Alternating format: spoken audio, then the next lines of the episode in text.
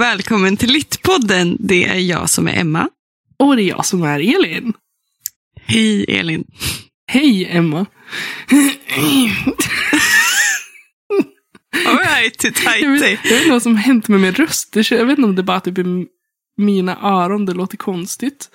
Eller om jag bara låter lite hes. Alltså du har låtit hes och hostig och harklig ändå sen du blev frisk. Jo, Ja. alltså hostig. Ja, men så här hes. Har jag låtit så här hes? Eller kom Tycker det du- idag? Tycker du låter lite grötig. Men jo, Ja. du lät sådär igår kväll också. Jag vill prata för mycket. Pratar med mig ska- för mycket. Jag ska hålla käften. Nej, men, ja men det är väl så, du har väl ett socialt jobb, det blir väl mycket prat. Jo, men nu, nu har det ju varit påsk. Eh, Mm. Och då har man ju inte jobbat så mycket. Eller jo, det har vi. Jag jobbar jättemycket, men tala för dig själv nu. Nej, men jag jobbar också jättemycket med uppsatsen. Alltså, Ja, jo, det är sant. Det är sant. Men, eh, ja, men vi kan ju börja med påsken. Hur var din påsk? Den var asbra. Vad skönt. Burpa, burpa, burpa, burpa. Ja, just det, du var ju på konsert. Yes, yes. Ehm, jag var och såg Meshuggah. Uh, ni kanske, om ni som lyssnade på Sara Elfgren Bergmark avsnittet. Bergmark. Elfgren. Fan också. Helvete. Jag skäms så mycket varenda gång också. Usch. Nej men eh, ni, ni som lyssnar på det kanske förstod, hint hint, att jag eh, tycker väldigt mycket om metal. Mm. Och hårdrock. Eh, jag, har väldigt, jag har väldigt mixad hårdrockssmak, men något som för mig och min man tillsammans är just vår eh, smak i just metalmusik, om man säger så. Och då såg vi Meshuggah som är inom sin subgenre av metal ett av världens största metalband. Eh, de började som ett Umeå-band faktiskt. Eh, och i Jaha. år var första året eh, eh, i år var första gången de spelade Umeå. Eh, gud, hur ska jag formulera den här meningen? Vad hände Men där? att det var typ första gången på jättelänge. På 20 de- år. Ja. På 20 år har de inte spelat i Umeå. Oj, det så. är jättestort. Jättestort. Och det, alltså det, det är ju alltså det är ju verkligen ett Umeå-band. Alltså jag tror de, jag vet att trummisen är från Örnsköldsvik. Eh, dock, också Norrland. Så. Men den där eh, knövel metal metan eh, började här uppe, om man säger så. Det är lite kul. Ja. ja, men det är lite coolt att de Ja. också återvänder till sina hemtrakter. Det tycker jag. Alltså det är Ja. ganska stort. Ja, det är jättestort. Och de är, alltså, de är... Eh, Jag fattar att det verkligen inte är musiksmak för de flesta. Men alltså det är tungt och det är fett och det är sjukt talangfulla musiker. Alltså verkligen. Är det någonting, men det pratade jag och Sara om också. Du håller ju också med för du lyssnar också på hårdrock. Liksom att när det kommer till metal så är, så är förmågan att, att, att vara musiker, vara studiemusiker, att bara vara musiker, det, är, det, krävs så mycket av dig. Mm. Verkligen. Rent talangmässigt. Och de är ju verkligen alltså helt, alltså jag, alltså för bövelen. Alltså om man tänker att det, och det här är, det här är gorm metal om man säger så. Det, han growlar konstant typ. Ehm, och det, förstår jag inte tilltalar människorna, men att förstå tekniken bakom Ja. att kunna spendera så otroligt många år med bara growla. Alltså det pajar din röst för de flesta. De flesta trashar sönder rösten totalt. Ja. För att det är bara priset. Och han låter likadant. Alltså han, hans röst låter likadant som när de började. Alltså det är sjukt. Ja, det, är ju, alltså, det, det är ju liksom aldrig någon så här egenskap som jag bara, Åh, önskar att jag kunde growla. Men jag är väldigt imponerad över de som faktiskt kan det. Mm. Mm. Oftast också, alltså det jag är mest imponerad av de som kan både och. Många band har ju både en som screamar eh, eller growlar och en som sjunger rent. Då, för det är ju väldigt svårt att ha hålla igång båda rösterna under kanske en konsert eller så. Mm. Så det är också ett tecken på väldigt talangfulla musiker. Och så. Så det var fett nice. Jag köpte en hoodie. Äntligen. Vi ville ha så här knövel metal. eh, det finns, de, de, he, alltså de heter ju Meshuggah, men deras typ metal-typ heter typ, de brukar kalla det knävelmetal. Och då finns det en, såhär, en, en design på en, typ en t-shirt där det står också knävelmetal Meshuggah. Eh, men det, de hade inte sånt med sig, utan de hade bara med sig från den nya plattan. Men ja, det, så det var en jävligt bra långfredag må jag säga. Ja. Jättekul att hänga eh, med musikerkompisar och, och gå på konsert. Jag har inte varit på konsert på jättelänge så det var jättekul. Mm. Eh, blev stött på bara en enda gång. En man som kom fram till mig och min kompis Mickis och tyckte att min magtatuering såg inbjudande ut. Usch. Jätteusch. Men det var lite kul också. Jag är ganska kvick när jag är lite high on life. Så jag sa det, ja, det är en, jaha, det är en halv Medusa och du vet ju vem Medusa är. Hon, hon hatar ju män, så tanken är ju inte att den ska vara inbjudande. Då blev man lite ställd faktiskt. Alltså, Jag kände mig lite queen. ja, ja, verkligen. Alltså, så här, jag, jag kan också förstå den här grejen. Alltså, de, de som hamnar i samma situation och blir ställd och inte klarar av att säga någonting för att det är Mm. obehagligt. Ja, det är jätteobehagligt. Att Han var ju, han var säga ju, att, "Åh, han var ju dyngrak. Alltså det, och vi, det var jag och Mickis, vi stod ensamma tjejer. Alltså utanför också konserthallen för att vi skulle ta luft. Och de ranglar ut där, kommer upp i hans ansikte. De, han som tyckte att min mage såg inbjudande ut, han var ju absolut dubbelt så lång som mig och det är inte svårt att vara det. Men också Nej. dubbelt så bred som mig. Alltså han var stor.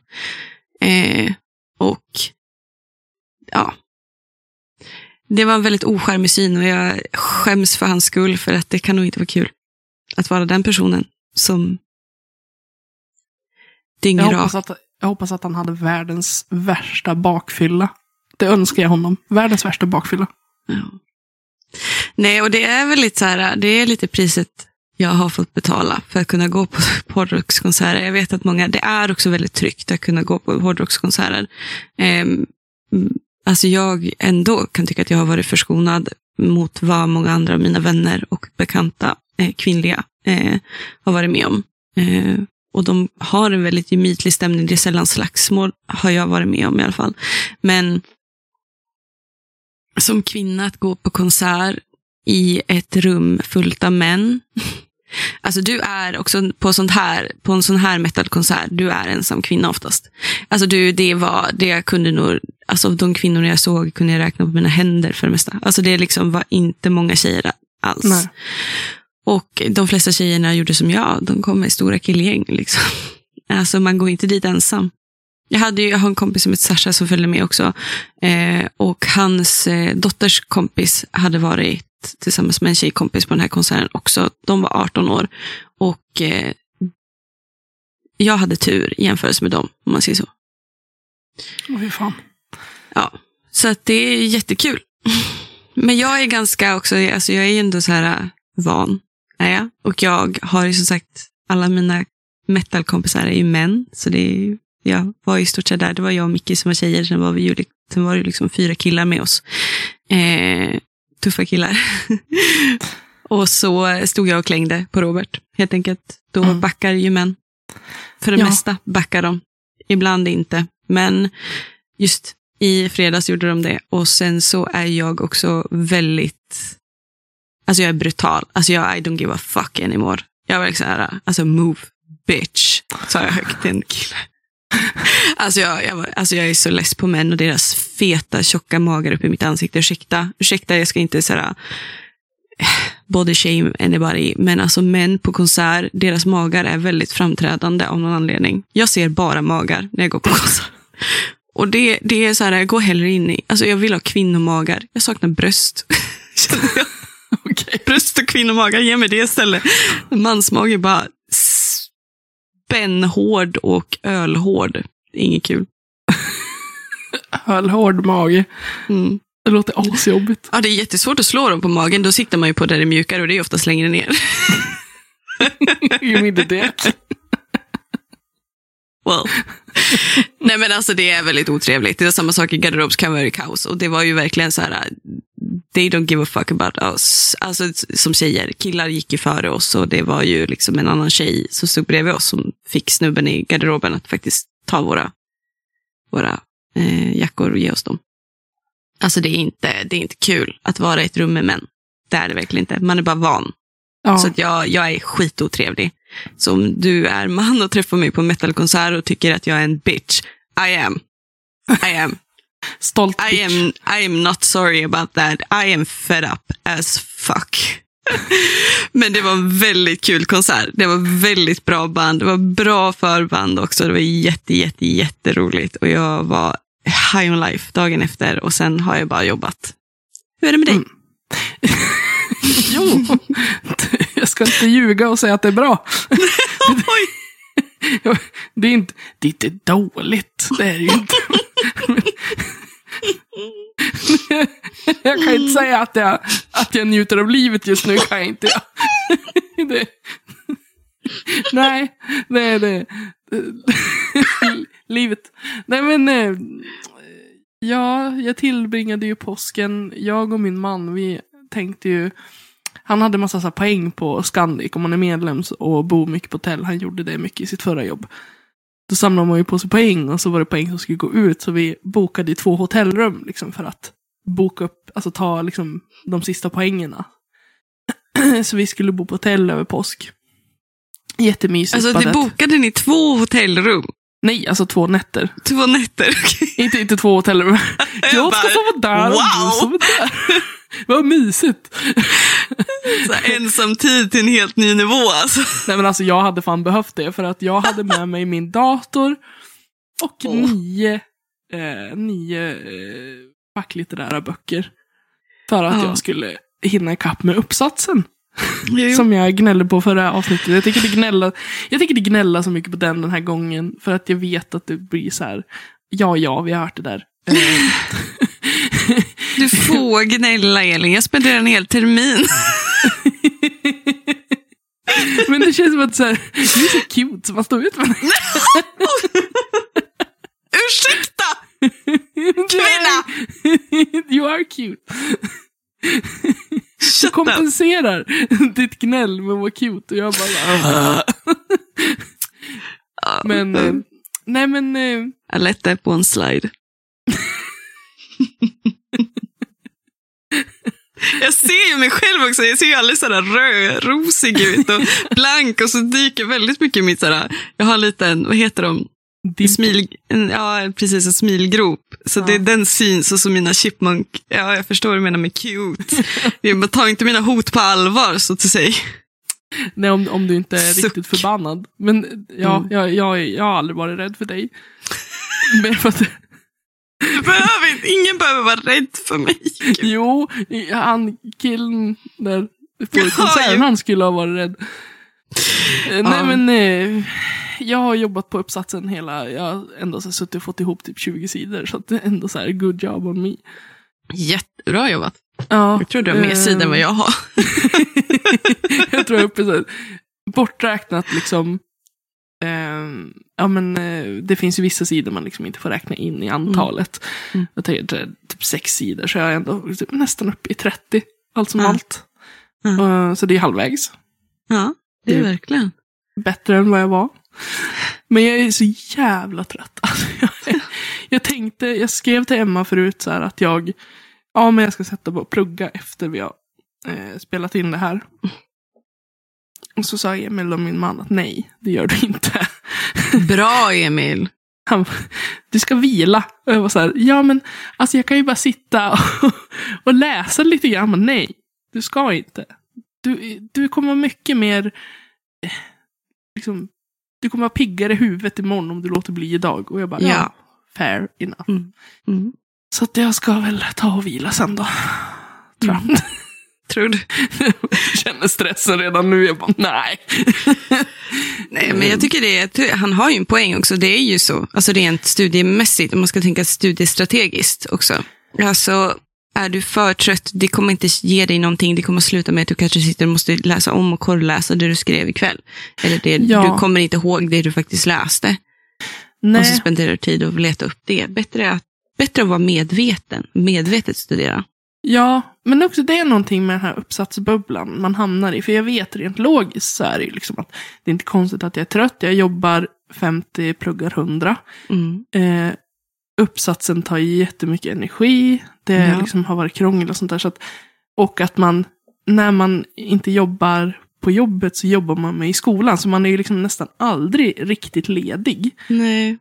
Det är så här, man tar igen på helgerna och så bara går veckorna om så. Mm. Mm. Så att återhämtningen är ju, den är jätteviktig, men man glömmer bort den. För man är inne i det där att jag måste bara, Mm.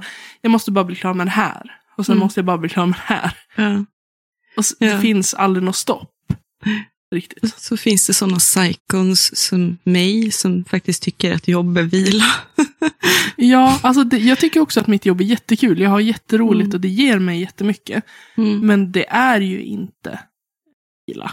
Nej. Att vila är ju att vara ledig. Mm. Och när man börjar se jobbet som återhämtningen i sitt liv. Va? Va? Jag försöker inte call you out. Gör Men- inte alla det? Eller vadå? Nej, men jag tror att så här, speciellt om man har varit inne i väggen också. Så får Ja. man en ganska skev bild på återhämtning och vila. Att man, Absolut. man har en väldigt förskjuten bild av liksom, arbetsmoral och hur Mm. mycket man förtjänar att få vara ledig. Normala Ja. människor är jättenoga med att men jag ska vara ledig två dagar i veckan och då ska jag Mm. vila. Eh, Mm. Göra sånt som jag tycker är kul. Ja, men verkligen. Men vi som är prestationsmänniskor, vi bara, men om vi bara pressar lite till Mm. så kommer jag liksom få skörda det sen. Mm. Men det där sen kommer aldrig. Mm. Det finns alltid mer och mer och mer. Och jag tror att ja, det är nog bra Mm. att man har människor i sitt liv som bara, nej men nu, nu slå av. Mm. Ja, min psykolog sa något liknande. Eller hon frågade mig snarare, så här, vet, ni vet en icke-fråga. Bara så här, jag ställer ut frågan i tomma intet för att jag ska gå och grubbla på det på typ, i tre veckor. Då. Men hon frågade, vad händer, om du stann, vad händer när du stannar upp? Mm. Typ. Det är väl det. Det är väl just den, det som jagar en. Vad händer Ja. när jag stannar upp, tror jag. Väldigt Jag- mycket. Jag tänker också väldigt mycket typ det man skjuter bort. Alltså känslor, eh, om det är en depression eller Mm. trauman eller vad Mm. det nu än kan vara. Liksom att, att hela tiden vara i rörelse, att hela tiden Mm. försöka röra sig framåt, det är också för att inte liksom behöva ta Mm. tag i någonting som ligger bakom. Mm. Eh, Jag tror, det jag tror det är därför det är så viktigt för mig att skriva då under Ja. de där perioderna. Särskilt under de stressigaste perioderna. Att skriva, inte på uppsatsen, utan faktiskt skriva annat. Alltså, jag skriver jättemycket dikter nu. Jag skriver jättemycket i min dagbok nu. Jag står ju, liksom, när det är folktomt eh, på jobbet så har jag ju stått och, liksom, när jag har gjort mina uppgifter. Malou, om du lyssnar på det här. Jag lovar, gör det inte när kunder är inne i butiken. Men då står jag och skriver i min dagbok också. Mm. För att liksom hela tiden vara medveten om vilken, någonstans, vi- vilken känslostämning jag är i just nu. Em, för att där kan jag också välja att stanna upp. Då stannar jag upp och lägger märke till mig själv och lägger märke till, är jag i, har jag frid just nu där jag är? När det blir så här tyst och tomt och det är bara jag här, jag har ingenting att göra. Känner jag då frid eller känner jag någonting annat? Mm. Jag tror det är jätte, jätteviktigt med det. Och att lägga märke på vad, vad läser du faktiskt? Vad väljer du att läsa för genre? Vad läser du för böcker? Mm. Sådana saker. Jag att vara också- väldigt medveten. Typ. Ja. Och jag tänker också så här att... Oj, nu tappade jag helt tråden. Sorry. den, försvann på en nanosekund. What? Ja, ja.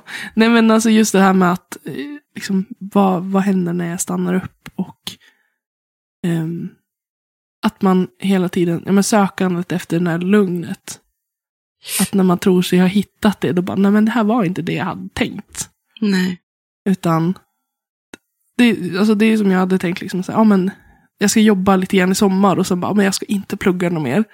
Likt Mm. förbannat har jag sagt. Som, alltså så här, det, det är så sjukt. Alltså jag har inte ens gått in. Alltså jag har verkligen hållit mig borta. Jag har gjort min plan. Jag ska jobba och jag ska skriva. Det är Mm. vad jag ska göra. Jag har redan fyllt mina dagar så. Bara för att jag inte ska ta på mig en sommarkurs också. Ja, alltså så här, nej men det är helt orimligt. Varför ska jag, varför ska jag läsa mer nu? Jag kan ju, alltså så här, vill jag göra det sen? Absolut. Mm. Men av vilken anledning? Det är ju så här. Det är så vet ju, orimligt. nu, det är nu ryssen kommer, så att vi passar på. Det vill jag vara lärd. du vill vara lärd. Astrid Lindgrens pennan, författarskap eller är pennan vassare än svärdet? Hörni, hörni, hörni. man stabbed nu? in the eye så. Yeah, exactly. Vi har ju, vi har ju de här kalligrafipennorna, de är fan vassa som satan. Kan jag få jag extra pris då? Kan jag få vänpris? Ja, vi får väl se om det kommer något framöver. En försvarspenna. Andra samlar på sig ammunition, vi samlar på oss Ja. sharpies.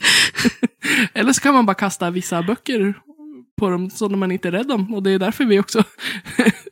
Fair enough. Det är därför jag avsnitt. samlar på Strindberg, hörni. jag tänkte mig att det här var en snygg övergång till dagens avsnitt. Ja, det var det fan. Okej, ja, men nu har vi undvikit det här i 20 minuter. Ja. Ja, men då, då kör vi då. Ja, idag. Alltså det här Från- känns som en mörk dag. Från Meshuggah till att känna frid till att slå ner ryssen med böcker till Colin Hoover. Ja, alltså, ni märker att den röda tråden finns där. Det, det är någonstans, det är något våldsamt. Ja, ja men lite ändå. Lite så här, lite obehag. Ja, åh Obehag. gud, det är sublime. Jag, jag, jag, jag funderar liksom så här, nu tänker jag bara högt, hur Mm. man ska lägga upp det här. Mm. För jag Mm. tror att de flesta kommer förstå bara av det här vart, vart vi är på väg.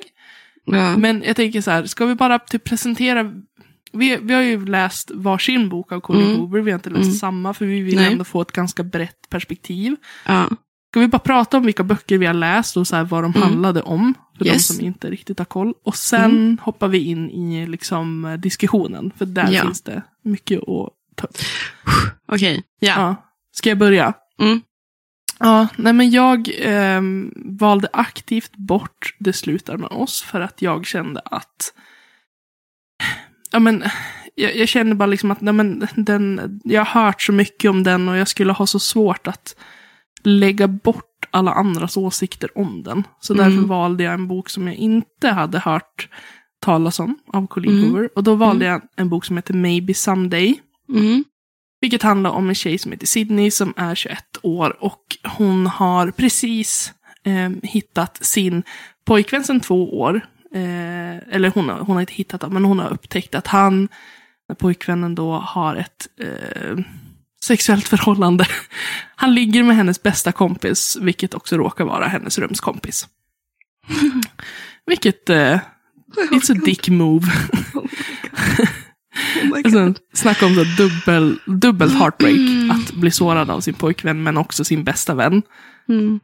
Eh, och hon hamnar eh, av en slump. Hon lär känna en, en snubbe och flyttar in i hans lägenhet. Mm. Tillsammans, han har liksom olika rumskompisar, de råkar ha ett rum ledigt och han vill hjälpa henne. Det låter som, som början på den här serien New Girl. Ja, ja, fan. Ja, gud, det gör det ju! Fast, ja, fast den här huvud, alltså den här killen då som sen blir ett romantiskt intresse. Mm. Eh, han heter, eh, oj vad heter han? Han heter Ridge heter han. Ja. Och han är döv. Mhm. Men han är musiker. Han, eh, Okej. han spelar Ah. gitarr och Ah. eh, skapar musik åt eh, sin bror. De har liksom ett band tillsammans, men han är inte delaktig i bandet med att han skriver Mm. låtar åt dem. Ja, okej. Och han, eh, Sydney blir hans slags musa. Åh, Då, gud, liksom, han har haft en så skrivblockad och haft jättesvårt att liksom skriva låtar. Och helt plötsligt så hon lockar fram känslor i honom som bara får honom att vilja skapa musik. Men det är bara ett problem att han har en flickvän sedan sex år tillbaka. Jag hatar män. Ja, och eh, jag sa ju att de, det här blir ett romantiskt intresse. De här blir kära i varandra. De Mm. får jättestarka känslor till varandra. Kul Samtidigt för som båda kämpar mot det här, ja men det är fel.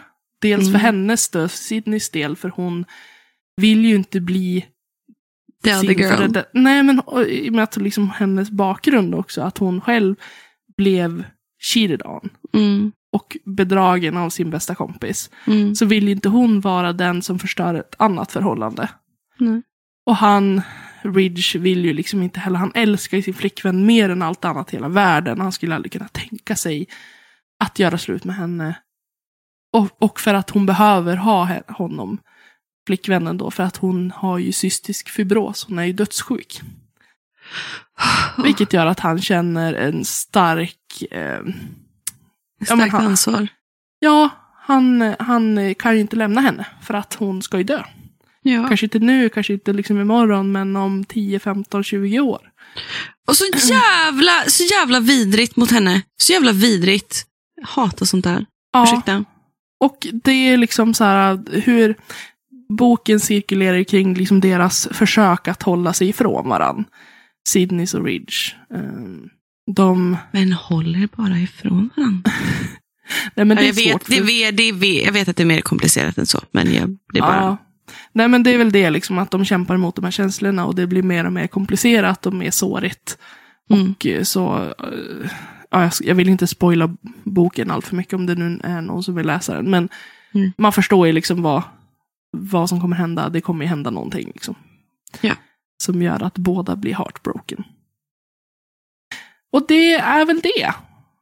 Eh, Mm. Utan att säga för mycket så tänker jag så här att vi hoppar över till din bok och sen pratar vi lite grann om våra tankar. Så jag har ju läst den Verity av Mm. Colin Hoover. Jag kommer ihåg att jag gav den en trea på mm, Goodreads. Jag var till och med checkade det precis innan. Only because of the splatter. det var mycket blod Ja. från början. Det gillade jag. För det, är Ehm, inte en, det är inte en romance. Det är en, Det är en thriller. romance thriller, skulle jag nog Mm. säga mer. Eh, så. Ehm, men jag valde då att gå direkt till den populäraste av dem allihopa. Det slutar med oss. It ends with us. Eh, och det är ju den här som blev TikTok-kändis. Ja, det var kanske sen- därför vi valde Colleen Hoover. På grund av, mest på grund av den här boken egentligen. Faktiskt, för att det här, jag har aldrig varit så fascinerad i hela mitt liv, hela mitt liv över en, en boktrend som håller i sig så jävla hårt också. Alltså, Annars kan jag tycka att TikTok-trenderna är ganska flyktiga. Liksom. Man måste vara ganska snabb eh, eh, på dem. Men det är vissa som står kvar. Och det slutar med oss av Colin Hoover, en bok som till och med fick pris förra året. Ehm, jag vet inte vad för pris, det kollade jag upp. Jag såg bara att den hade fått ett pris. Jag tänkte bara, vad då för pris? om det var någon så här uh, Goodreads eh, Most Read eller något sånt där. Ja. Most Shelved eller någonting. Ehm, men eh, den här boken har jag ett åldersspann av de som kommer in och köper. Från 13 år till på riktigt 70-åringar. Alla kvinnor. Alla kvinnor. Ehm, och alla har sagt, "Ah, jag har hört så mycket om den här boken, jag måste läsa den. Mm. Ingen har någonsin sagt, jag har aldrig fått en riktig så här recension vad de har tyckt efter. Utan det har alltid varit någon som har hört att den ska vara så bra, jag måste läsa den. Och jag är så här äh, så kluven när det kommer till romance. För att romance för mig, eh, tror jag, jag håller mig från den genren för att jag tycker det är väldigt komplicerat med känslor. Och kärlekskänslor är väldigt komplicerat alltid.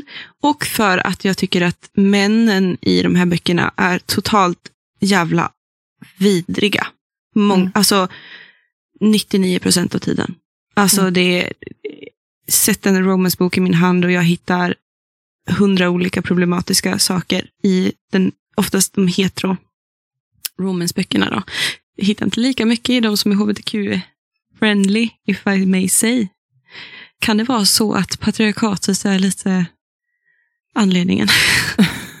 Så så. Nu säger jag inte att hbtq-communityt är befriat från patriarkatet, utan Nej. jag säger att när man är mer medveten om hur påverkad man blir om någonting och Mm. ju mindre privilegium man har inom det här, den här ska man säga, struktur, samhällsstrukturen, desto mer, mindre skit kommer man med då, om man säger så. Mm. Mm. Colin Hoovers Det slutar med oss handlar om Lily. Lily växer upp i, i väldigt mycket, eh, vad ska man säga, hon får bevittna sin pappa både våldta och slå sin mamma. Eh, under den tiden så lär hon känna även pojken Atlas som är hemlös. Och som uppenbarligen, tycker jag, så som han beskrivs, för han beskrivs bli sjuk någon gång, eh, också har vissa sorters missbruksproblem tror jag. Okej. Ehm, sen så när hon eh, blir typ i lagom ålder så lämnar hennes mamma hennes pappa och det, jag tror det var så. Gud, jag kommer inte ihåg. Jag, alltså, fatta att jag speedade igenom den här boken, verkligen. Ehm, men i alla fall, pappan är eh, fast, pace, fast forward till nutid. Lily är i vuxen ålder. Hon har ingen relation med sin pappa. Jag tror han är död, jag är inte säker. Hon har relation med sin mamma i alla fall. Eh, Mm. Och hon möter Riley. En man i sina bästa år, en neurokirurg. Hon sitter på ett tak, eh, ensam och filosoferar över sitt liv. och så smälls dörren upp där mitt i natten och en man stormar ut och är förbannad eh, och börjar sparka och slå skiten ur en plaststol. Jag som kvinna skulle tycka det var jävligt otäckt, men hon sitter kvar och tittar på honom. Och där lär de känna varandra. Eh, Riley vill inte ha ett förhållande eller någonting. Han vill bara, han vill aldrig gifta sig, han vill inte känna kärlek eller vad man säger så. Men som vanligt i en romansbok, killen säger jag vill inte ha dig. Och sen så vill han plötsligt ha henne för han blir helt besatt av henne. Men Det var en- en scen där han hade knackat på 29 olika dörrar för att hitta rätt Lilly. Åh men stackarn då. Ja, Jobbigt. i alla fall, Lilly uh, s- följer sin dröm att starta en blomsterhandel. Eh, hennes bästa vän Allison är ju Rileys syster också, som jobbar. De är, de är rik också för övrigt, vill jag bara säga. Men alltså, hans, Mm. hans syster, alltså huvudkaraktärens syster, Ja. är Right. bästa kompis med den kvinnliga huvudkaraktären, men de har Ja. aldrig träffats. Nej, det var, det var lite konstigt, jag vet inte. Allison eh, Ja, och Lily träffades på, under andra premisser och det kom liksom aldrig fram, tror jag, riktigt ordentligt att Riley och Lily hade träffats och kände varandra lite. Mm. Men i alla fall, Lily blir lite så här, så här infatuated av Riley. Riley blir stenkåt på henne. Eh, och så. Och ehm, vad ska man säga, på baksidan beskriver de Riley som väldigt, vad, står det? Han är väldigt känslig, intelligent och väldigt svag för Lily. Men han är också självsäker, envis och kanske till och med lite arrogant. Alltså jag kräks i munnen. Ja, det var inte roligt. Ehm, I alla fall, de, de, Riley och Lily kommer i alla fall fram till att de är kära i varandra. Ehm, och sen så plötsligt från ingenstans så dyker då den här hemlösa pojken Atlas upp. Som var då Lillys eh, då ungdomskärlek, blev ju han. Och sen kapar de ju kontakten av någon anledning, jag kommer inte ihåg. Jag såg väl säkert under den delen av ljudboken. För jag lyssnade också på ljudboken samtidigt som jag läste den för att verkligen försöka ta mig igenom den. Ehm, eh, och det blir ju lite av ett svartsjuke, lite, det blir ett svartsjukedrama helt enkelt. På, sätt, på gott och ont, liksom någonstans. Det är där hela plot-twisten, hela, hela storyn är någonstans. Mm. Det är där det barkar rakt åt helvete också. Ehm, Riley, triggervarning, eh, Riley slår Lily. Oj. Eh, och Riley försöker våldta Lily. Lily eh, flyr. Hon ringer Atlas. Och det här är bara på grund av att han är svartsjuk på Atlas. På sätt och vis. Första gången han slår henne var inte det. Då var det för att han, han var dumfan och tog ut nå, någonting ur ugnen utan att ha på sig handskar och fick panik. Och hon började skratta för att hon var lite full och då slog han till henne. Typ. Eller knuffa till henne. Så hon slog sig. Alltså det här är en romance. Alltså, nej, här är- jag ska inte. Jag ska inte. Inte än.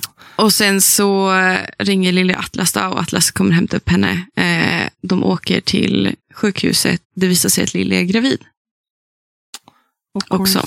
på det. Eh, och då är ju också Riley och Lily, de är ju då kommer så långt ifrån att de är gift och bor tillsammans. Eh, men hon då flyr då från Riley.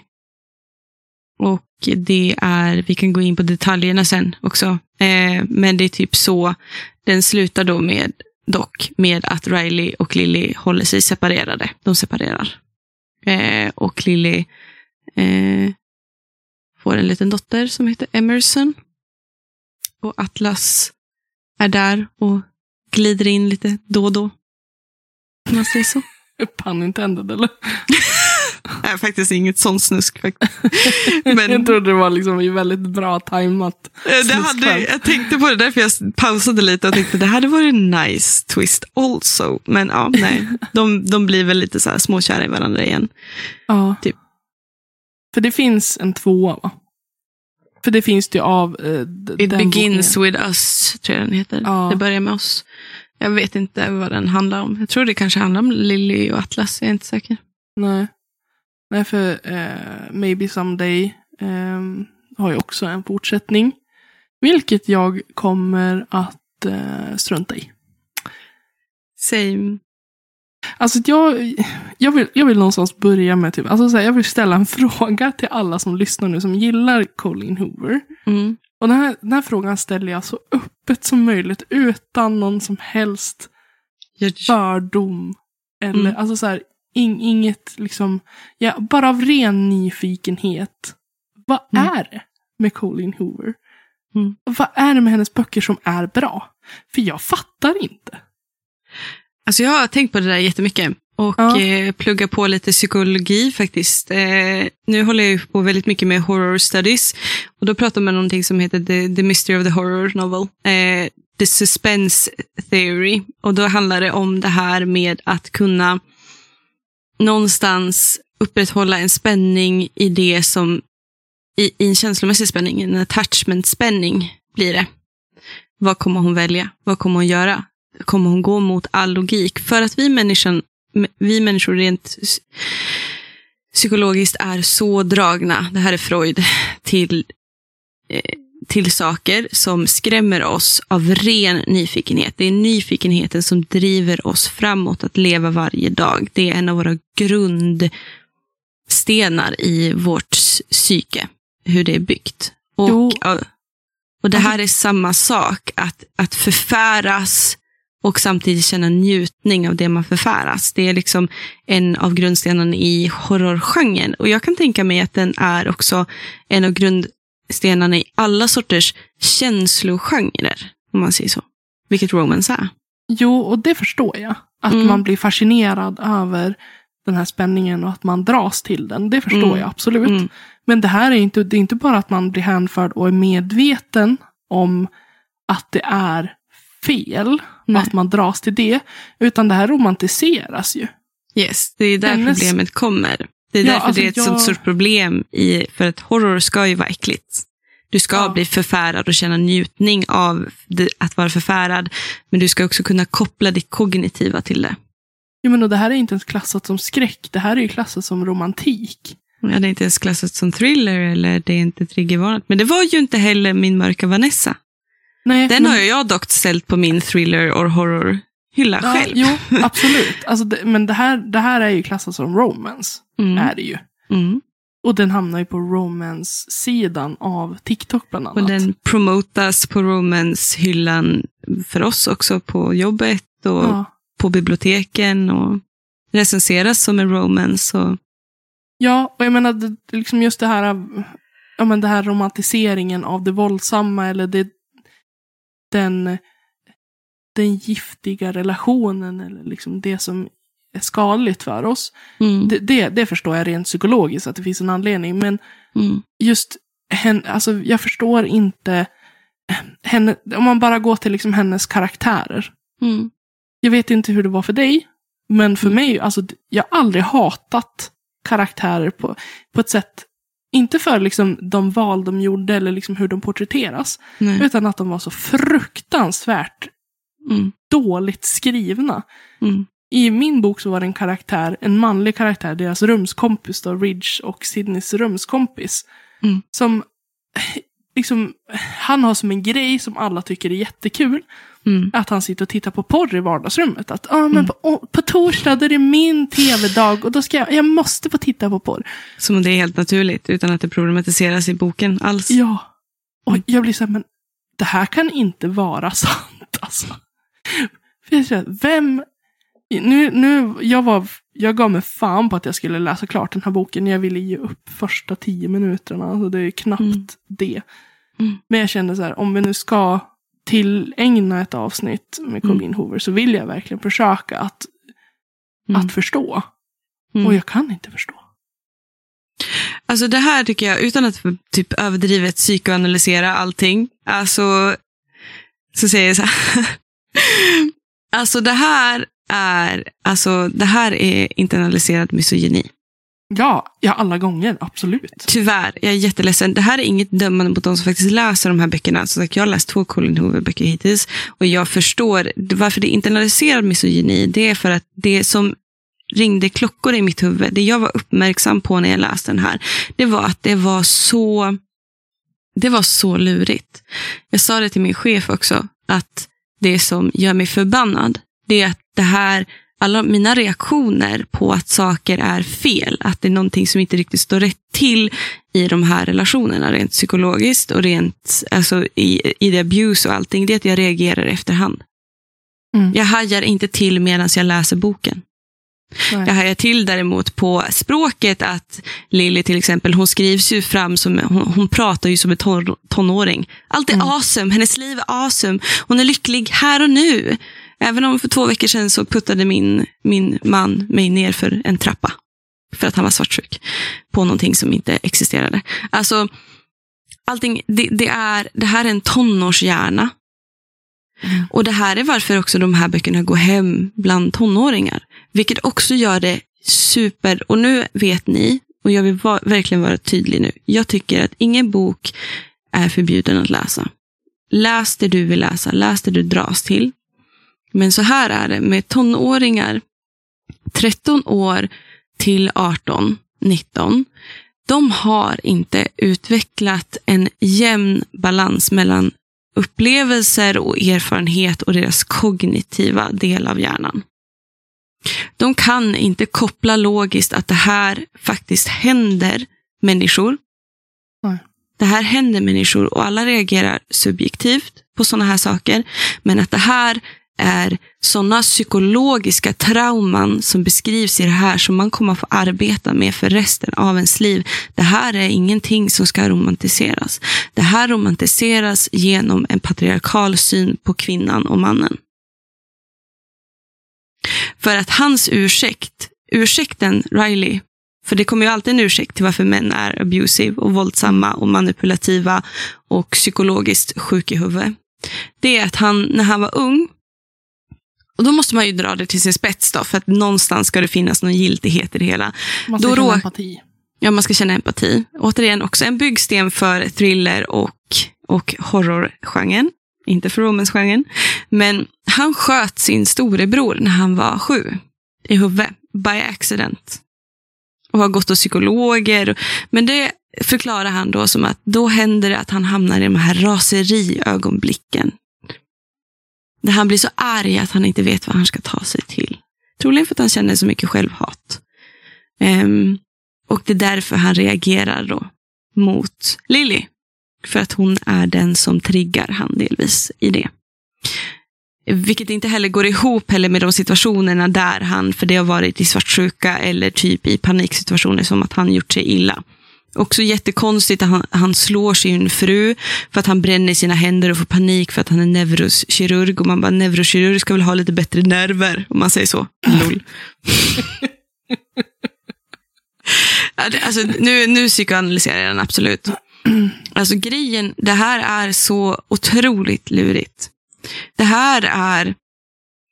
Jag ser på Riley som Dorian Gray. Honestly. Mm. Det här är en psykopat och han framställs i, som framställs väldigt romantiskt. Han har psykopatiska beteenden. Han har en, inte, även om vi får läsa ur huvudkaraktärens liksom, ögon, eh, det är hennes narrativ för hennes hjärna, hennes blick på Riley, som allt är förskönat genom hennes kärlek till han. Vilket också ger oss en väldigt bra inblick även hur det fungerar för offren i varför, varför man stannar kvar. Varför man stannar kvar när någon är abusive mot dig, både litet och stort. Ehm, men att hon säger att hon ser att han är genuint ledsen, att han är genuint sårad, att han är genuint berörd eller förstörd eller krossad. Da, da, da. Och det där blir återigen den internaliserade misogyniteten. Kvinnan har sån otrolig empati för mannen. Men mannen blir då den som blir offret. Han är ett offer för sitt eget beteende. Mm. Nej, det är han inte. Han är ansvarig för sitt eget beteende. Ja, jag menar om han nu är väldigt medveten om att hans ilska går ut över andra människor. Så kanske man inte ska sätta sig i en situation där man lever tillsammans med någon förrän man har ordnat den biten. Det är Om man- ansvar. Om man är medveten om det från första början också, för Ja. att Lilja har berättat sin bakgrund om sin abusive pappa. Ja, och jag menar, Istället så skyndar han sig med att säga, nej men gud, det var, jag var aldrig meningen, jag är inte han, jag vill inte vara han, det var aldrig min tanke att jag skulle vara som han, det var inte min mening att jag skulle göra det här, det var inte min intention, mina intentioner har alltid varit goda. Again. men det, det tycker jag är så intressant. För just den boken jag läste, den innehåll, innehåller ju inte våld. Nej. eh, på det sättet. Utan det är ju snarare liksom hur karaktärerna beskrivs. Alltså det är, han, huvudkar- den manliga huvudkaraktären, han som är döv. Mm. Han, han beskrivs ju som väldigt, som en ärlig människa. Och väldigt rättrådig människa. Och god människa. Så därför vill ju då Colleen Hoover att man ska känna empati för han och hans situation. Mm.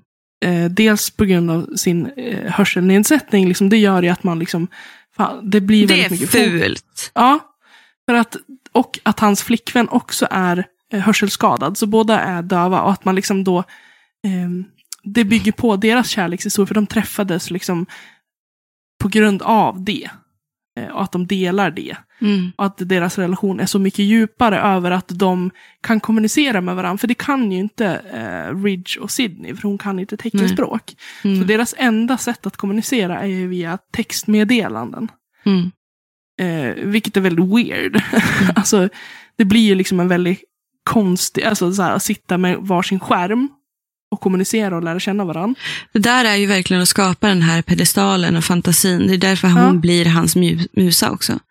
För att han behöver ju aldrig förhålla sig till hennes känslomässiga uttryck i språk till exempel. Nej. Eller tonläge eller, eller blickar eller sådana saker. Liksom. Alltså det blir väldigt, det blir väldigt avskalat och väldigt mycket att bygga en fantasivärld. Ja, och att de också faller ner i den här relationen. Alltså jag tänker så här, när man har levt i en relation i fem, sex år och man säger så jag är så fruktansvärt kär i min partner. Alltså det finns ingen annan i mina ögon. Det här är den perfekta partner för mig. Till att en vecka senare gå till så här, Ja. men gud, åh, jag vet inte vad jag ska göra. Mitt hjärta Ja. tillhör den här. Och det är Alltså- det som blir så problematiskt, för det finns inte. Alltså det Nej. finns inte att du är så djupt kär i din partner att du aldrig tittar på någon annan. Nej, kärlek är ett val, Ja. på gott och ont. Ja, och då liksom vill de ju på något, på något vis liksom porträttera att så, "Ja, men det är så synd om de här för att de kämpar ju verkligen. De vill ju inte det här. Men det är som att de inte kan låta bli. Fast det är ju som du säger, det är ju ett val. Hon väljer att stanna kvar Mm. i den lägenheten. För hon, uttrycker, hon, hon är ju väl så här, ah, jag vill ju aldrig göra så mot en annan tjej. Men du gör det ju. Du fortsätter att, att pusha de här gränserna. Mm. Att istället för att ta ett steg tillbaka och säga okej, nu, nu Eller sätta jag... dina egna gränser.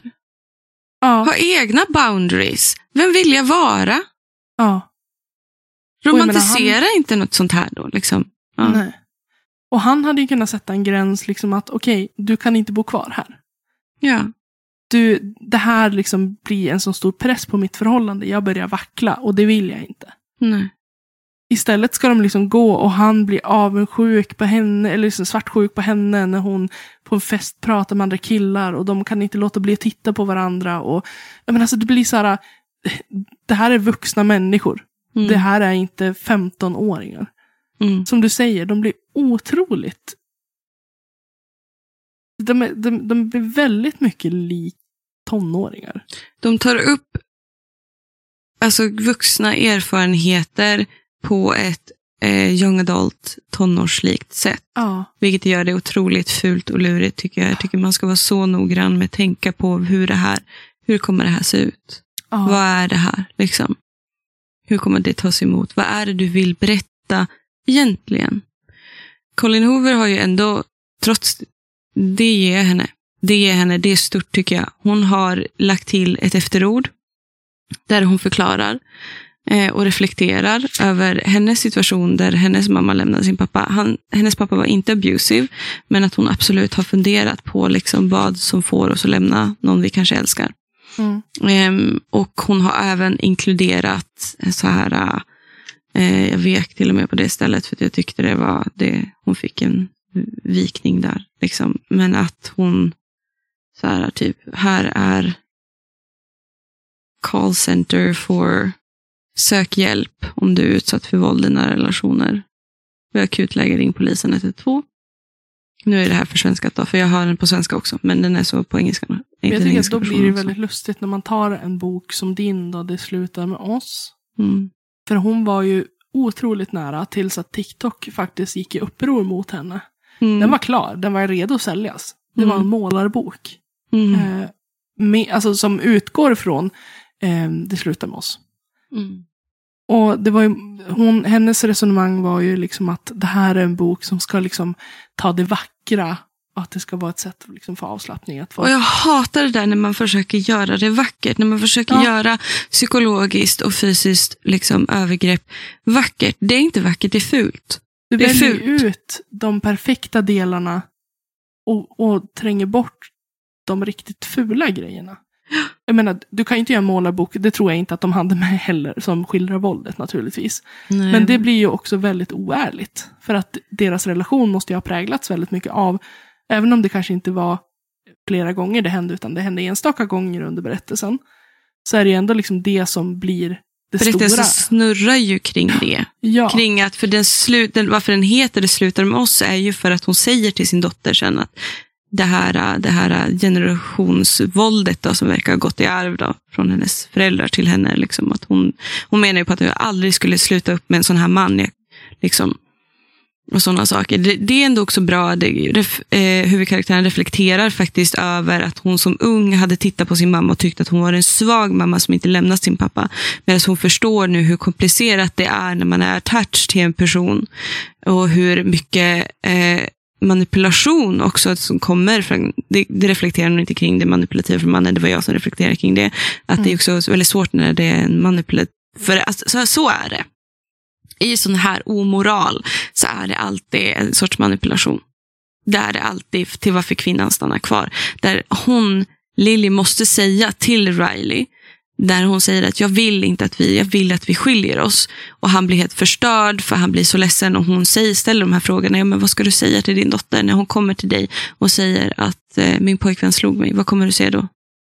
Eller vad kommer du säga till din dotter när hon säger att min man pus, eller, eller pushed me down the stairs.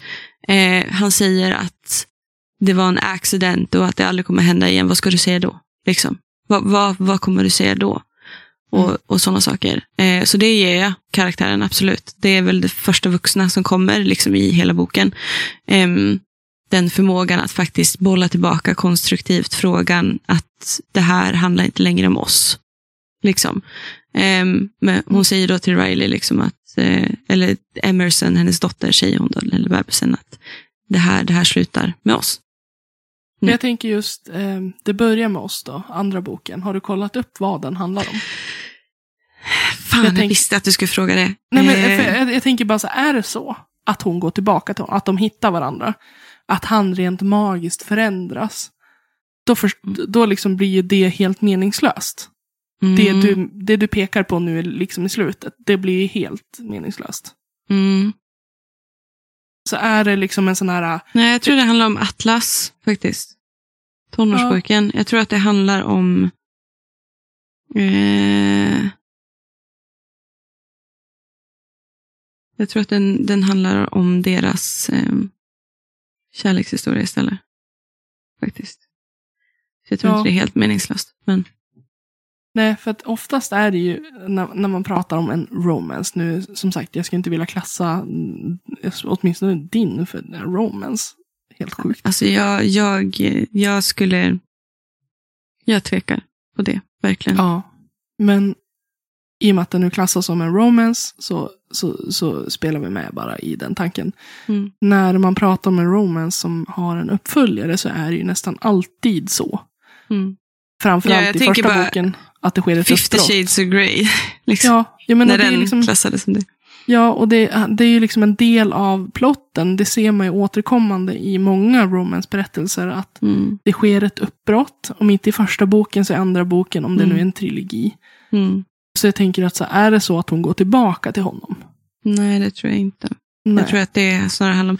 Men det där är också problematiskt, för man får en epilog också på det, i Det slutar med oss. Och då säger Atlas till henne att nu känner jag att jag kan ge dig det livet du förtjänar. Nu känner jag att jag kan ge dig det du förtjänar. Det är därför jag... För han har blivit alltså- så här superstar eh. Alltså han driver massa restauranger och är jätterik nu och sådana saker. Och det är också så otroligt misogynt. Det är inte det man behöver. Det är inte pengarna det sitter i. Nej, det Det sitter är- inte om att du ska ge mig någonting jag förtjänar. Du, har- m- du har ingen aning vad jag förtjänar. Det är Nej, väl och det eller- som är grejen. Liksom. Eller bara liksom den här tryggheten. Alltså så här, absolut, det är, inte, det är inte hans fel. Nu vet jag inte bakgrunden, eller bakgrunden till han och hans missbruk. Och det är jättestrångt att ta sig ur ett missbruk. Men jag Mm. tänker för någon som har levt med en missbrukande pappa som dessutom har varit våldsam. Mm. Så kanske det inte är jätte, en jättebra idé att ge sig in i en relation Nej. med en före detta missbrukare. Nej, För absolut att det kommer inte. skapa en otrygghet. Även om han inte ger skäl till den. Mm. Till alltså han, han, han sköter sig. Mm. Så kommer det alltid att finnas liksom det här tänk om Mm. han tar ett återfall. Vad händer då? Mm. I don't recommend it. Så att jag förstår inte, så här, varför kunde hon inte bara i så fall träffa någon som bara är stabil? Om hon inte har en Det hade väl inte liksom. varit lika spännande då? Nej, nej, jag förstår Då det. hade vi väl inte fast, då hade väl inte boken fastnat heller för att det är ju det här, det är ju det omoraliska man dras till. Liksom. Alltså, det är ju inte jättemoraliskt de böckerna jag läser när liksom, American Psycho dödar allihopa. Men alltså det är ju också, det är väl det som är så problemet att det, det verkligen klassas och den rek- görs reklam som en kärlekshistoria där liksom en kollega till mig hörde ett par tonårstjejer som vi bara fick allihopa så ont i magen av att de stod och diskuterade liksom att Ja, så tråkigt, så sorgligt att de inte kunde lappa ihop det, att de inte kunde klara sig, att kärleken inte övervann allt och jada jada. Och man sitter där och bara känner att man får ont i hjärtat, ont i magen, för att grejen är det att livet funkar inte så här. Nej. Och Människor funkar inte så här. Är du utsatt för övergrepp, slår, dig, slår din man eller din partner dig en gång. Alltså, du har free card att twist his fucking balls and shove a something rakt upp i rektum och sen ringa polisen. Alltså det, det, för grejen är det också att det, han ursäktas ju. De här männens omoraliska beteende ursäktas ju. Din är under the influence of love. Där han, han har hittat sin musa. Han har hittat sin inspiration i livet. Hon som får han att känna att dagarna är fantastiska. Hon som gör livet lättare. Hon som får han att känna sig normal och Jada jada the fuck who cares. Här blir Riley ursäktad med att ah, men han har ju varit med om trauma. Han sköt sin bror, en fucking vuxen. Gått hos en psykolog hur länge som helst för det. Ah, men har du inte, har du inte, kan du inte hantera ditt temperament? Kan du inte gå ut på gatan och liksom inte slå din fucking fru som du påstår att du älskar. Du s- lägger inte på ett fucking jävla psyk då. Ta ansvar. Alltså det, det här är ju liksom hur de ursäktas, männen på det sättet. Men kvinnorna har liknande bakgrunder. På samma nivå traumatiska upplevelser. Men de agerar annorlunda. De blir oftast, eh, alltså de straffar ju ofta sig själv och inte andra. Exakt. De tar ansvar. De tar de svåra besluten som mannen inte kan ta. De väljer att gå därifrån. De väljer att ta på sig det, the villain cape. De väljer att skydda sina barn, skydda sin egen frid. För mannen vill bara komma och ta. Och att romantisera det så på ett sånt, med ett sånt språk så att det blir lättillgängligt för barn och ungdomar som inte har en jämn balans med på riktigt alltså erfarenhet och kognitiv utveckling. Det är jävligt vidrigt gjort, tycker Mm. jag. Ja, men då handlar det återigen som vi har pratat om förut, det här med att ta ansvar. Mm. Att absolut, att, vara, att få vara kreativ och skriva om det man vill. Det är Ja. ju så, men att när man skriver om relationer där man vet att man, man skriver till en målgrupp Mm. Och där den här genren är väldigt efterfrågad, att den blir väldigt romantiserad. Mm. Så tycker jag att man ska ta ett ansvar för att det är så vi också kan vända våran egen syn på oss själva. Mm. Och våran syn på egenvärde och våran syn på relationer. Och man måste ju förstå, du, hon skriver ju en samtida roman. Ja. Skriv, en, skriv ett fucking kostymdrama då. För alltså, om du verkligen måste få ut den här berättelsen, få ut den här reflektionen, få ut det här, det här meddelandet. Skriv om det att det hände på 1800-talet, för då, då, då är det någon annan sorts separation.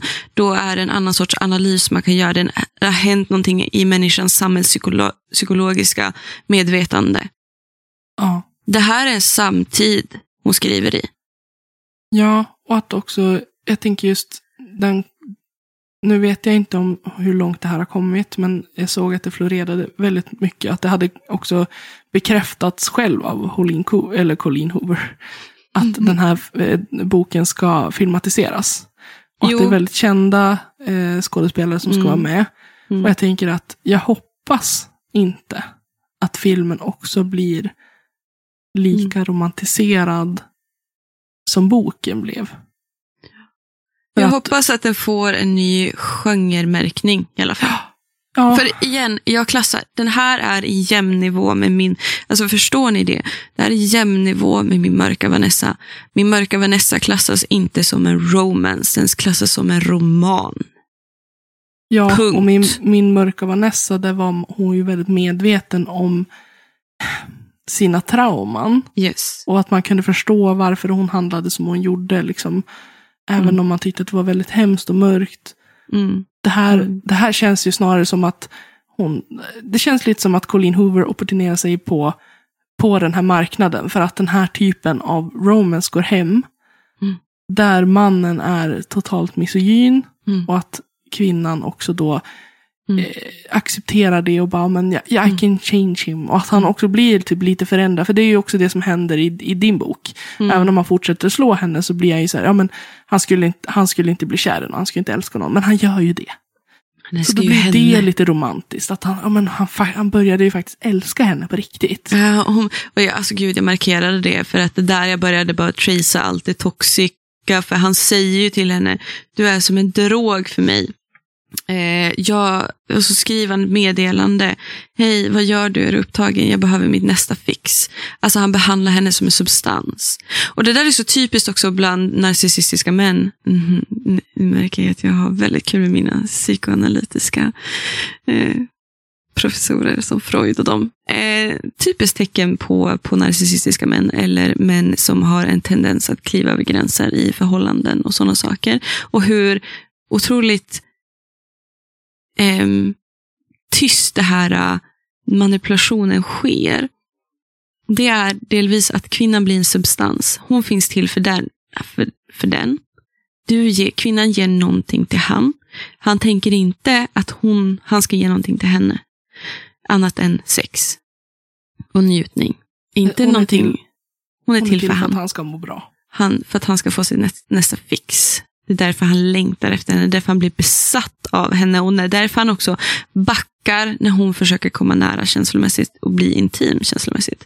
Men det är också väldigt intressant också hur lurigt den här psykologiska eh, manipulativa de manipulativa övergreppen sker. Jag tänker på våldtäktsscenen i den här. Triggervarning nu. Kommer jag förklara lite om den.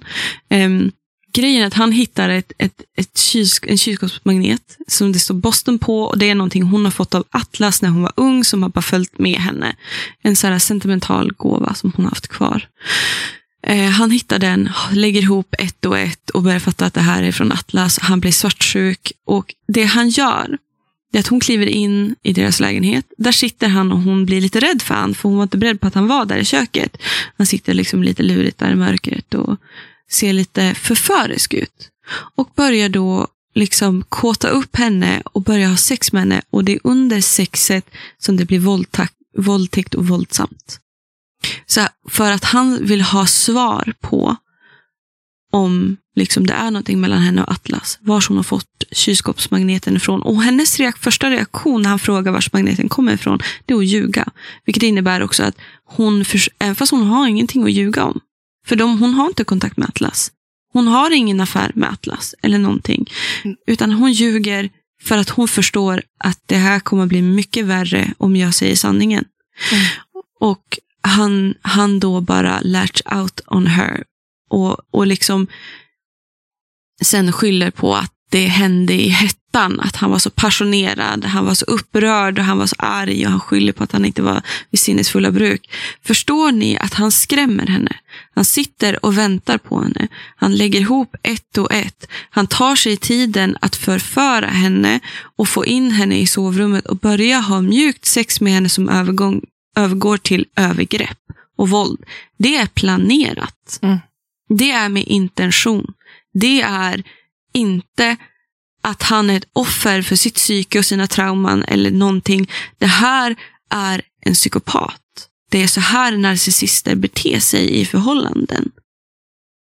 Alltså jag känner, mig, jag känner att jag är så glad att jag valde bort den här boken. Fy fan alltså. Och det, alltså, det är liksom inte, återigen, jag har ingenting emot de som läser romance. Du läser mycket romance, jag läser mycket historisk romance som typ eh, Jane Austen och sådana saker. Och jag förstår, jag gör det, varför den här boken är populär. För att hon använder sig av samma sorters, hon beskriver manipula, manipulation på ett sätt så att det blir manipulerande. Mm. Hon beskriver det på ett språk som är så lättillgängligt och så otroligt lättläst. Sen ifrågasätter jag jättemycket av de grammatiska delarna och översättningen tyvärr. Ehm, att det jämt blir tillgängligt. Men jag menar det att jag har haft folk som har skrivit till mig att det var absolut två, tre scener där jag grät. Och jag vet inte riktigt varför de grät, jag vill inte gå in på det, eh, för jag vill få min egen uppfattning. Men förstår ni att ni inte gråter av sympati och empati? Utan för att genom, liksom, det här är författarens intention på sätt och vis. Mm.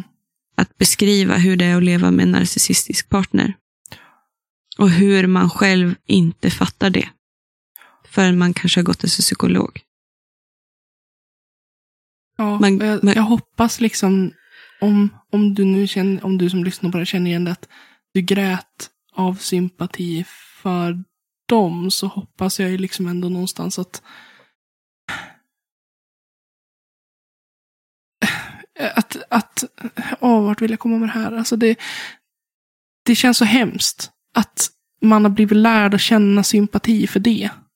Att känna sympati och empati för någon som är som han. Och det, det är man ett offer för. Och Att det är som- någonting ja, Som man har behövt lära sig som, som nu- kvinna. som kvinnan generellt. Det finns säkert män som har läst den här boken också och reagerat eh, emotionellt på den också. Men att känna empati för den här mannen. För att han är trasig och traumatiserad. Och det kan man göra. Alltså man kan Ja. känna empati och sympati för människor som är helt jävla galna. För att det är så tragiskt, det de är med om. Och som sagt, jag säger inte att det här är en bok som ska bli bannad och bränd på bål. Jag är så emot det. Jag tycker absolut, läs den.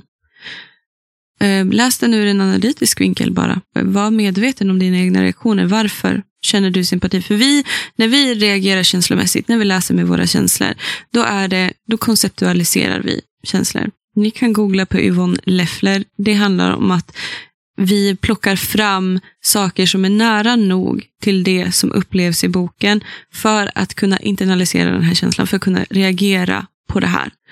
Och varför reagerar jag? Jag vet att jag reagerar starkt på den här boken för att den här triggar mig. Mm. Den här triggar mig. Jag känner igen övergreppen, jag känner igen manipulationen, jag känner igen hur man som offer reagerar. Både Mm. utifrån egna erfarenheter och upplevelser som kvinna och som människa. Men även också genom mina vänner. Jag tror Jag har- att det kan vara bra att typ stanna upp och bara så här, varför reagerar jag så här starkt för om det nu är på grund av han, alltså den manliga karaktären, varför man tycker synd om honom. Mm. Varför, Varför? tycker man synd om att hon, hon älskar han eller att de inte kunde komma över det? Eller varför tycker man synd om henne i den situationen hon Mm. befinner sig i? Ursäkta, jag rapar som vanligt i micken. Ehm, och är det, reagerar jag för att jag känner igen mig i henne? Eller Mm. reagerar jag för att jag känner igen en partner i det här? för att jag känner igen en vän i det här. Varför reagerar den? Det här är inte romantik. Jag hoppas ni förstår det. Det här är inte en dålig bok. Jag kommer absolut inte välja att fortsätta läsa någonting av Colin Hoover, för jag tycker absolut att det här behöver mer analys och behöver landa och smälta i samhället och den behöver absolut triggervarningar i början. Absolut. Jag tycker att det är det bare fucking minimum man kan göra. Um, men det här, det här är inte romantik, det här är inte romans, det här är inte romantiskt någonstans. Det här är illa, det här är illa. Det här är skadligt, det här gör ont. Jag tänker också om det nu finns så här bookstagrammers eller alltså de som sysslar med att ge boktips eller de som bara boktipsar i allmänhet. Mm. Pusha inte den här boken som romantik. Nej, pusha den som urifrån ett eh, alltså, samhällskritiskt håll eller ett psykologiskt relationskritiskt håll. Mm. I så fall. Pusha den ja. absolut inte som romans. Uh, jag, ja, alltså jag vet inte riktigt om jag skulle vilja säga att den boken jag har läst skulle klassas som romantik heller. För att det, det handlar ju snarare om Alltså det, det, här är inte romantik för mig heller. Det här är bara, det är bara sårigt överallt. Det är bara, ja, det är det, bara sår. Det, det är en relation på helt fel premisser. Det här är inte, det här är inte någonting som ska romantiseras eller få dig att må bra. Det här ska vara någonting som ska få dig att tänka efter i sådana fall. Mm. Och då är inte det romance för mig. Um. Nej. Nej, alltså romance är på riktigt stolthet och fördom. Du återkommer till den beståndet för dem. Det alltså, var en bok där. Sense sensibility. Nej men alltså på riktigt, alltså det här är liksom, det är inte heller, vi kan inte liksom klassa dem, för man kanske tänker på Wuthering Heights eller på, eh, ja, no, så, men grejen är att de är historiska romantiska böcker. De är barn av sin tid, vi kan titta på dem med ett annat, med ett annat kritiskt öga. Det kan vi inte göra med de som är samtida, samtida böcker. För att vi måste också förstå att det här händer i vår verklighet. Det här är samtida psykologi, det här är samtida relationer. Det här är verkligt och det är övergrepp och det är eh, giftigt som förstör. Alltså jag tänker väldigt mycket på den boken som du berättade om nu. Att det är en sån giftig relation som förstör. Den förstör dig själv. Du, du, alltså jag kan bara tänka mig i hennes, den skammen som hon måste känna gentemot sig själv. Och det, den, the lack of self-worth hon måste känna. Jo, och liksom... samtidigt kan jag också tycka att, att det blir, just för den här alltså för, för Sydney, så mm. blir det så här, ja, man, man kan ju delvis känna sympati för henne på grund av den här skammen och skulden som hon känner. Men mm. samtidigt så går hon i nästa stund och går över gränsen igen. Så mm. att hon reflekterar jättemycket, gråter och mår jättedåligt. Mm. Och så träffar hon Ridge eh, mm. flickvän jättemånga gånger och blir vän med henne. Mm. Och tänker så här, oh, jag, vill, jag vill inte vara en Tory, alltså hennes före detta bästa vän då. Mm. Eh, jag vill inte bli en sån person. Men mm. samtidigt så väljer hon ju mm. att bli en sån. Det är det, valet. Ja, och det händer ju. Alltså det, det, det gör inte henne till en dålig eller ond människa. Det det däremot behöver göras är att analyseras och inte klassas som romantik. Det är inte romantiskt. Det där är inte kärlek. Det där är infatuation och det är, det är att man har dåligt självvärde, dålig självkänsla och man behöver bygga upp någonting så man kan sätta sina gränser. För en, gränser är till för en själv, inte för andra människor. De är till för en själv. Och de är också det som definierar ditt eget värde hur du ser på dig själv, vem du vill vara. Så det är också jätteviktigt att titta på den boken utifrån, det här är inte romantik, det här är en skildring av ett väldigt giftigt, en väldigt giftig relation. Mm. Där det är manipulation från båda håll. Ja, shit. Nu har vi snart pratat en, om, en timme och kvart. Jo, jag tänker att jag... vi måste få ge den den tiden, ja. tänker jag. Verkligen. För att det här är ju ett sånt stort fenomen också för övrigt. Liksom. Ja, och hur tydlig att... man vill vara. Vi, vi har ju liksom pratat, vi har försökt att begränsa oss um, nu under perioden vi har läst de här böckerna. För det är många gånger vi har ringt varandra och bara, alltså jag, man har varit till bristningsgränsen, Arg. man har varit så frustrerad. Mm. Och så här, vad är det här? Vad, vad är det jag läser? Vad är det jag tar in för någonting? Det här får mig att må skit. Mm. Men att vi också aktivt valde att vänta Mm. Eh, försökte begränsa oss för att mm. vi inte skulle prata slut liksom, på, på böckerna. Och jag tror att vi mm. hade kunnat suttit liksom, två timmar till och bara gå in på detaljnivå varför det här är, Mm. varför det här är så, Varför det gör, ger mig ont i magen att, att ha 14-åringar som köper den här boken av mig. ja och varför så här, för nu tänker jag också så här, var, varför skyltar vi med den här boken, alltså varför pushar vi den här boken? Jag menar Mm. hon, jag hade förstått om det hade varit en sensationell, jättefint skriven bok med en jättefin relation. Mm. Varför pushar vi den här typen av litteratur? Varför vill vi att det här ska sälja bra? För det där är ju så intressant också, för hur funkar liksom våran syn på försäljning av böcker nu? Liksom? Eller vad, vilka böcker som vi... Alltså böcker faller ju också någonstans i rätt tid. Det är väl därför jag, så jag har sån, jag hakar upp mig så mycket på att det, är att det är romantik. Jag hakar upp mig så mycket på att det är det. För att jag tänker att någonstans att toxicitet har ju alltid skildrats genom alla tider och oftast blivit stora kända böcker.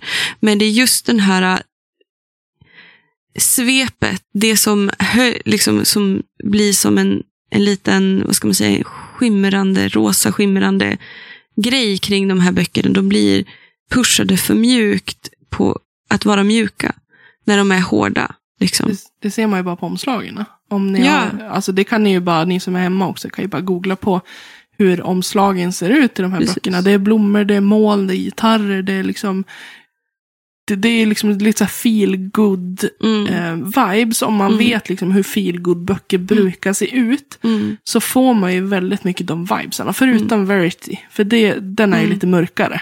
Mm, precis, för den också klassas ju mer som en thriller än vad den Ja. klassas som en romance. Precis. Och det pratade jag och min chef, vi hade ett jättelångt samtal om det här för någon vecka sedan, där vi pratade om att alla de här, både de här smuttböckerna har börjat se ut som feelgood-böcker med cartoonish tecknade omslag och formgivningar. Och jag, det är skitsmart säljteknik. Den är otroligt lurig. Och jag, det är också, jag hatar den här sortens sätt att formgiva böcker idag på, för vi köper väldigt mycket utifrån vad vår, vårt öga fastnar vid, mer än vad vi, vår förståelse eh, av innehållet, vad det kommer innebära. Vad, vad, vill, vad är det här för berättelse? Hur kommer det beröra mig? Ja. Jo, för det är någonting du och jag också har pratat väldigt mycket om. Just det här äh, hur mycket vi kan dra till det estetiska kring Mm. böcker. Att en, Absolut. en snygg bok kan vilja få oss att köpa den för att den Absolut. skulle se bra ut i bokhyllan. Mm. Eh, och det, det använder de ju sig väldigt mycket av. Alltså de har ju Mm. förstått att omslagen är A och O Mm. för en lyckad Absolut. bok. Absolut. Eh, och att Absolut. det gärna ska vara mer än bara liksom, det ska vara gärna lite upphöjd text. Alltså det ska vara lite 3D-känsla nästan. Ja, det ska vara nästan så att du känner att du kliver in i boken. Ja, Du, du känner att omslaget sveper om dig.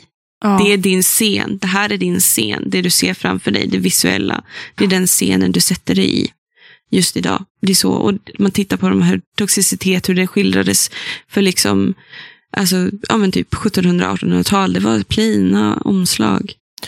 Så berättelsen kunde få stå för sig själv. Men nu blir vi nästan liksom lite lurade in i ett sorts, ja men det här rosa skimrandet. Vi, Mm.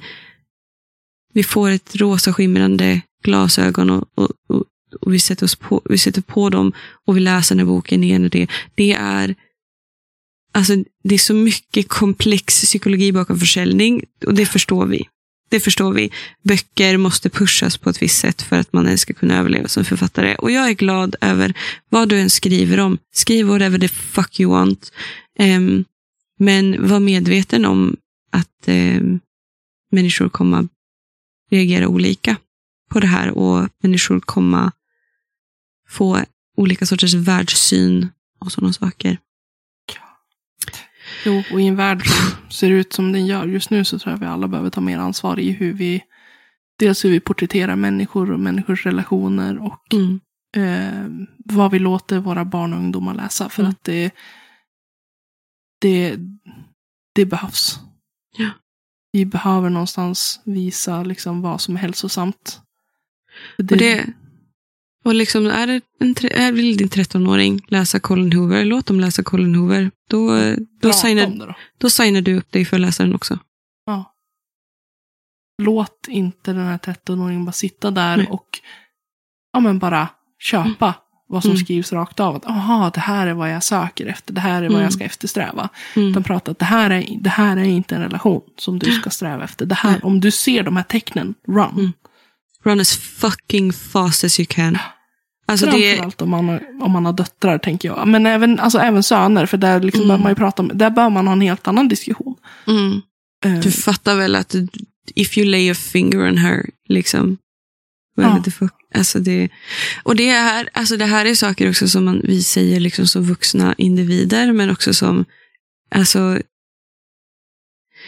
jag förstår att många också läser det bara av nöjesläsning. Många går inte in och gör de här psykoanalyserna som vi gör och problematiserar och samhällskritiserar böcker. Eh, men, alltså, det här är inte nöjesläsning. Jag hoppas ni förstår det. Ja, det, alltså det kan ju vara nöjesläsning, men Nej. jag, jag, jag tänker att, att det kan vara bra att man kanske får ett annat perspektiv. Att om man Mm. gillar de här böckerna, det får man göra. Mm. Eh, och att man, att man finner glädje av att läsa Colleen Hoover, absolut. Mm. Det, det är ingenting jag kan säga Mm. någonting. Och att man absolut Om. kan känna sig styrkt, alltså stärkt av de här böckerna. Absolut, det kan jag tänka mig.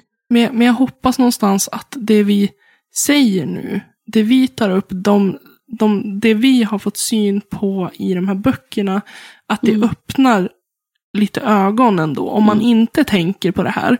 För Mm. jag tänker att så här, det är också som, som sagt, det här är någonting man har lärt sig, att man inte ska eh, kritisera eller reflektera över, det bara är så. Mm. Så att jag hoppas liksom att du kanske läser den här boken igen med helt andra ögon mot för Mm. hur du läste den första gången. Och då Mm. om du verkligen älskade den.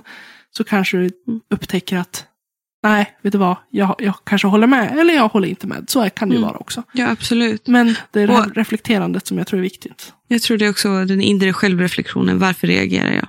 Ja. Eller varför reagerar jag inte? Men någonting jag verkligen kan säga med säkerhet. Att om du lever i en relation som ser ut som den relationen i det slutar med oss. Så förtjänar du bättre. Absolut, absolut. Och på riktigt, det, det finns hjälp att söka. Det finns kvinnojouren. Det finns, det blir, har det någonsin, någonsin varit att du känt dig hotad fysiskt och psykiskt så får du ringa polisen. Du har all rätt i världen. Det spelar ingen roll om det är någon som säger att de hade goda intentioner eller om det var en olyckshändelse. Du har all rätt i världen om du känner dig hotad psykiskt och fysiskt att ringa polisen. Eller ringa någon annan. Och är du ett barn och ungdom och känner igen dig i det här så prata med en vuxen. Ring BRIS. Ring BRIS. Det finns, det finns jätte... Dina lärare vill absolut veta om, du har, om någon har gjort dig illa på det här sättet, även psykologiskt. Om det är en äldre man som, som skriver till dig och du känner dig otrygg, om det är din pojkvän, det spelar ingen roll vilken ålder du är i. Då, vi som vuxna vill veta. Vi finns där. Vi, vi har ansvar för att du ska få känna dig trygg. Din pojkvän är inte värd ett shit i jämförelse med vem du är i så fall. Han får dela med sina problem någon annanstans. Prata med någon annan kan du säga till han. Och så kan du springa fort som satan. Gärna med den där äh, göteborgska Göteborgsdialekten. Bara, Den icke göteborgskan. Prata med någon annan. Nej men alltså på riktigt. Alltså du får vara... Och det, det är även om du känner att det här fuckar med din hjärna. Om det är i ett, om du är i en relation med någon. Vare sig du är i en romantisk relation eller om du är i en, på väg att bli en romantisk relation eller whatever the fuck. Känner du att någon fuckar med din hjärna. Någon får dig att känna dig galen eller konstig för att du reagerar på någonting som gör ont. Du har all rätt i världen att bryta det förhållandet. Du har all rätt i världen att säga nej. Jag vill inte ha kontakt med dig. Du har inte respekt för mig. Och gå därifrån. Du ska också då, tycker jag, jag hoppas att du har ork och energi att göra det. Att, att prata med någon, gå till en psykolog eller prata med en kurator eller prata med dina vänner, prata med vuxna, prata med föräldrar, prata med, med vem som helst, i vilken ålder du än är. Man får inte, man får inte göra sådana här saker som de här människorna gör i böckerna. Det här är inte, det är inte den personen man vill vara. För det förstör din egen självbild. Och då gör du dig själv illa. Och det är inte rättvist mot att du får inte rätt förutsättningar att få leva ett liv som gör dig lycklig. Och du har all rätt i världen att vara lycklig. Och lever du i ett aktivt abusive förhållande så är det finns ingenting, ingenting du någonsin har gjort som gör att du förtjänar det. Någonsin. Det finns ingenting någonsin du kan göra för att förtjäna det. Någonstans. Punkt. Och varje. Jag känner min röst bara darrar. För jag, så, Jag sa till Emma innan vi började spela in, så det här kan gå åt två håll. Antingen sitter vi och fnissar hela avsnittet, eller så blir vi jättearg. Eh, och vi har inte fnissat så mycket. Ja, vi, har, ja, vi fnissar ju lite grann. jag, försökte, jag försökte få lite release genom en dålig, ett dåligt skämt för att jag tror att det behövdes. Men jag förstår om ni har behövt pausa mitt i samtalet och tar Okej. upp det här samtalet en annan dag. Det här är ett långt samtal, men det är ett viktigt ämne. ja, ja, men absolut. Eh, men jag tänker att vi ska ta och avrunda här. Mm. Eh, för vår egen skull också.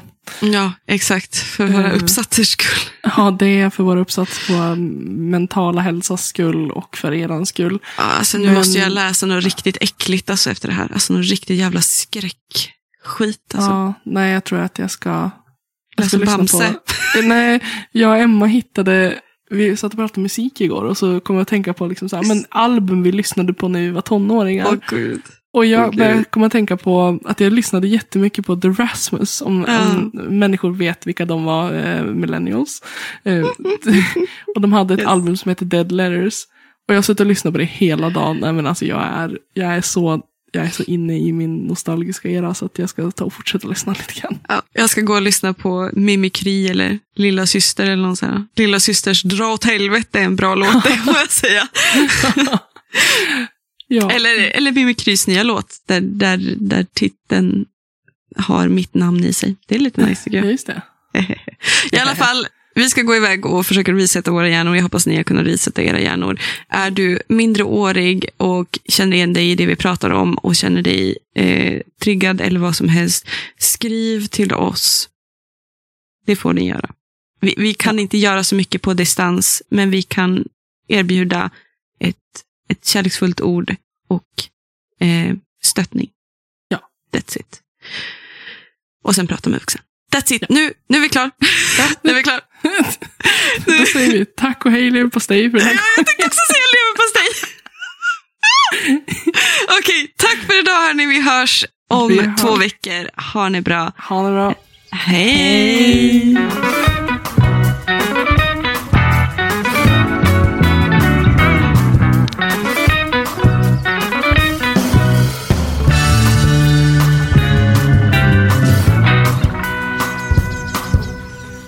Ni har lyssnat på Littpodden med mig, Elin Oslin och Emma Granholm. Musik och klipp av Magnus Kjellson och Robert Granholm. Management av Ida Berglund. Tack hörni för att ni har lyssnat.